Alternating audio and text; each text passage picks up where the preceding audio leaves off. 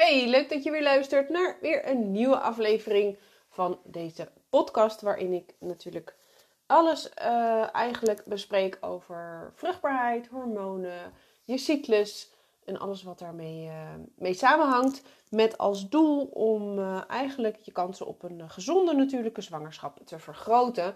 Want er is veel meer wat je kan doen dan dat je nu misschien denkt. En deze week um, is eigenlijk een beetje een themaweek. Gaan we het hebben over cyclusproblemen. Allerlei verschillende problemen die je in je cyclus kan tegenkomen. Waar je last van kan hebben. Die ook weer invloed hebben op je vruchtbaarheid. En vandaag ga ik het hebben over de link tussen zware menstruaties, hevige menstruaties en je vruchtbaarheid. Nou, gisteren had ik het al over lichte of uitblijvende menstruaties. Maar ook zware menstruaties kunnen een teken aan de wand zijn als het gaat om je vruchtbaarheid. En in de meeste gevallen is dat ook zo. Die zware menstruaties komen steeds vaker voor en hebben een directe link met onze leefstijl. En met name met de oestrogeenachtige stoffen waar we steeds vaker en steeds meer aan bloot worden gesteld. We noemen dit ook wel xeno-oestrogenen. En het gevolg daarvan is een verstoorde hormoonhuishouding, waarbij met name de balans tussen oestrogeen en progesteron onder druk komt te staan. En dit heeft weer invloed op je vruchtbaarheid, want juist die balans tussen die twee is zo belangrijk. Nou, hoe het allemaal precies zit en wat je kan doen om je menstruaties minder hevig te laten zijn, deel ik vandaag met je in deze aflevering. een zware menstruatie, ook wel menorragie genoemd, houdt in dat je tijdens je menstruatie bovengemiddeld veel bloed verliest. Nou, het is soms best wel een beetje lastig om uh, dat te meten. Um, maar uit een enquête die onder 42.000 vrouwen is gehouden, blijkt dat 54% van de vrouwen tussen de 15 en de 45 jaar last heeft, of in ieder geval aangeeft last te hebben van hevig bloedverlies. Minder dan de helft van deze vrouwen is hier open over tegen familie of vrienden. En het duurt vaak jaren voordat ze hulp zoeken, als ze, als ze al hulp zoeken. Nou, ik vind dat best wel heftig. Zeker als je dus uh, nou ja, de, de helft van deze vrouwen dus het ook eigenlijk niet durft te delen met, met uh, vrienden, bekende partners. Um, ja, en dat ze dus eigenlijk ook gewoon heel lang een beetje ja, met hun eigen, in hun eigen problemen blijven rond, rondhangen, om het zo maar te zeggen. En dat is natuurlijk niet nodig. Um, want net als het andere weet je, al die andere dingen die te maken hebben met je cyclus, kan ook de hoeveelheid bloedverlies tijdens je menstruatie verschillen. En het kan zelfs van cyclus tot cyclus verschillen. Maar ook van persoon tot persoon. Dus het is, ja, weet je wat, het is niet altijd bij iedereen hetzelfde. Hè? En um, zeker in je eigen cycli uh, kun je meemaken dat de ene keer je menstruatie relatief mild is, terwijl je menstruatie een andere keer bijvoorbeeld veel heviger en um, en ook heftiger is. Hè? Dus meer bloedverlies, misschien meer pijn. Daarnaast is het ook zo dat je menstruatie en het verloop van je cyclus verandert gedurende je vruchtbare jaren. We worden natuurlijk hè, voor het eerst opgesteld in onze uh, puberteit. Uh, de laatste keer is over het algemeen gemiddeld genomen zo rond de 50 jaar. En alles wat ertussenin zit, dat zijn eigenlijk onze vruchtbare jaren. Want hè, in die jaren kunnen we eigenlijk iedere cyclus wel zwanger worden zo zie je dat vaak jonge meiden die net ongesteld worden, dus in de puberteit, vaak meer onregelmatige, maar ook hevigere menstruaties ervaren. Omdat hun lichaam nog heel druk bezig is met het instellen van die hormonen. En dat kan wel drie à vier jaar duren. Um, ook later in je leven, als je richting de overgang gaat, dus zeg maar, nou, laten we zeggen 40 plus, dan begint dat een beetje. Um, daar zie je ook dat, dat die hormonen van nature al wat meer gaan schommelen. En dan kan het dus ook zijn dat die cyclus verandert en dat die menstruaties heviger worden.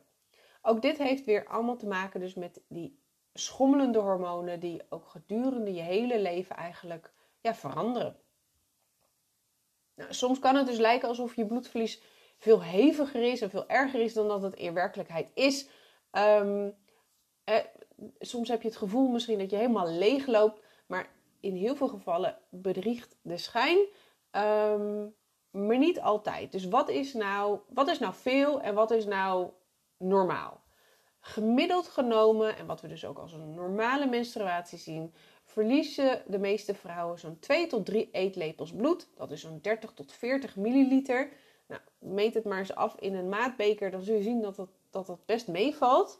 Ehm, als je meer dan het dubbele of het dubbele verliest, dan spreken we officieel van zware menstruaties. Nou, dat is bij ongeveer 20% van de vrouwen tussen de 35 en de 35 jaar in Nederland zo. Ehm, het is vaak wat lastiger te meten. Dus vaak wordt er dan ook gekeken van hoeveel menstruatieproducten heb je nou nodig op zo'n dag. Als je om de 2 à 3 uur het dikste maandverband of de grootste tampon moet verwisselen, dan is er dus wel sprake van een zware menstruatie. Op die eerste dagen, die vaak de zwaarste dagen zijn, kan het zelfs zo zijn dat je misschien al om het uur moet verwisselen of om het anderhalf uur moet wisselen. Of dat je dubbele bescherming nodig hebt, bijvoorbeeld een maandverband en een tampon. dus dat, dat is een beetje een richtlijn. Um, het beste kan je het meten met een menstruatiecup. Omdat je daar natuurlijk gewoon je bloed in opvangt. Je kan meten hoeveel gaat er in je cup. Uh, en op basis daarvan kun je natuurlijk ook gewoon gedurende de dag bijhouden. Hoeveel cups verlies, uh, verwissel je en hoeveel is het dan in totaal. Ook het verlies van grote bloedstolsels, dat zijn dus van die stukjes uh, ja, ba baarmoederweefsel eigenlijk. Um, een langere menstruatie, dus als die langer is dan 7 dagen, of een korte cyclus, dus als die korter is dan 21 dagen, worden wel als symptomen van menorragie gezien. Er zijn verschillende oorzaken van zware menstruaties, zoals dus de puberteit en de menopauze, waar ik het net over had, of in ieder geval de aanloop naar de menopauze.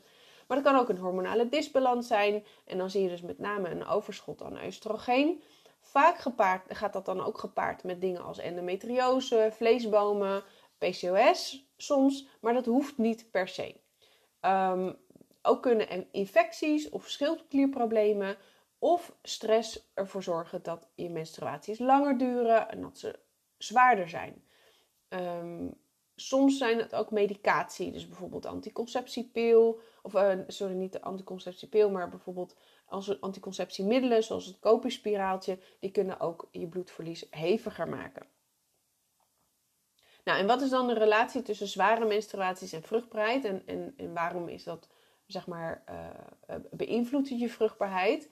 Um, zoals ik net al zei, kunnen die zware menstruaties dus een, een signaal zijn dat er onderliggende gezondheidsproblemen zijn. En die kunnen dus ook je vruchtbaarheid beïnvloeden. Dat geldt vooral als die menstruatieproblemen gepaard gaan met andere symptomen, zoals bijvoorbeeld een onregelmatige cycli of hevige pijn. En vaak zie je daar toch wel een combinatie in.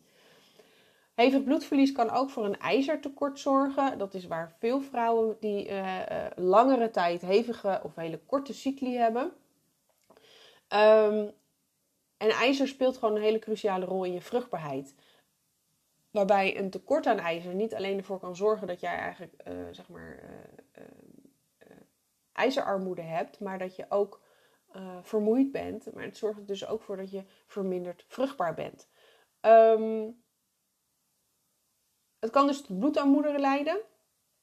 Daardoor, uh, bloedarmoede zorgt er eigenlijk voor dat er te weinig rode bloedcellen zijn, waardoor er te weinig zuurstof door je lichaam heen gaat, maar dus ook te weinig zuurstof naar je eierstokken en je baarmoeder uh, vervoerd kunnen worden. En dat is juist nodig omdat die, die eierstok en die baarmoeder hebben gewoon een, een, een continue goede toevoer van zuurstof en voedingsstoffen nodig. dus op het moment dat er minder zuurstof naar je, je eierstokken gaan, dan wordt de kwaliteit van je eicellen minder. Op het moment dat er minder zuurstof naar, en minder bloed naar je baarmoeder gaat, kan die baarmoederwand minder goed opgebouwd worden. En dat kan er weer voor zorgen dat die eicel zich minder goed kan innestelen. Um, ja, en dat kan ervoor zorgen dat er dus gewoon geen zwangerschap plaatsvindt of dat die uh, vroegtijdig wordt beëindigd. IJzer is ook eh, betrokken bij de regulatie van, uh, van hormonen zoals insuline en schildklierhormonen. En ook die hebben weer invloed op ovulatie en de kwaliteit van je eicellen. Um, een ijzertekort kan dus ook voor een hormonale disbalans zorgen. En dat kan dus weer je ovulatie verstoren en je vruchtbaarheid dus verminderen.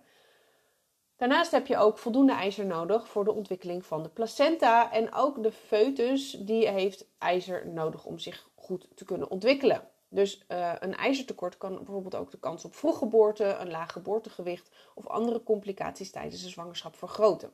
Dus dat is wel iets om goed in je achterhoofd te houden. Als er nou sprake is van onderliggende aandoeningen of medische oorzaken, denk dan bijvoorbeeld aan eh, PCOS, endometriose, polypen, infecties, eigenlijk al die dingen die ik net al noemde, dan kan dit natuurlijk ook je bevruchting bemoeilijken of ervoor zorgen dat het in stand houden van die zwangerschap problematisch is.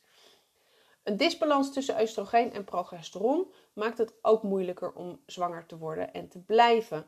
Idealiter zijn die twee met elkaar in balans en zorgen zo voor een ideale omgeving voor een zwangerschap. Vaak zie je dus dat er bij hele hevige menstruaties dat er uh, uh, meer oestrogeen is ten opzichte van progesteron. En dat is niet ideaal voor een zwangerschap. Nou, wat kan je dan doen? Weet je, het, het, is natuurlijk niet fijn om, om constant jezelf te controleren in de spiegel of, of op de wc of uh, bijvoorbeeld midden in de nacht wakker schrikken omdat je denkt dat je bent doorgelekt. Hè? Misschien dat je zelfs, ik heb ook als vrouwen zeggen, ja, ik, ik, ik kom gewoon mijn huis niet uit op die dagen dat het uh, zo hevig is. Dus dan moet je misschien afspraken afzeggen, ziek melden van je werk. En um, ja, dat, dat, is, dat is gewoon geen goede kwaliteit van leven ook. Hè? Dus het maakt ook heel onzeker. Dat brengt ook allemaal weer stress met zich mee. En dat is natuurlijk sowieso niet bevorderend. Heel lang werd er gedacht, of werd er eigenlijk um, gezegd dat een, hele, dat een zware menstruatie gewoon iets normaals is. En dat je je daar maar bij neer moest leggen, mee moest leren leven. Maar um, dit zie je natuurlijk heel veel met cyclusgerelateerde en hormonale problemen.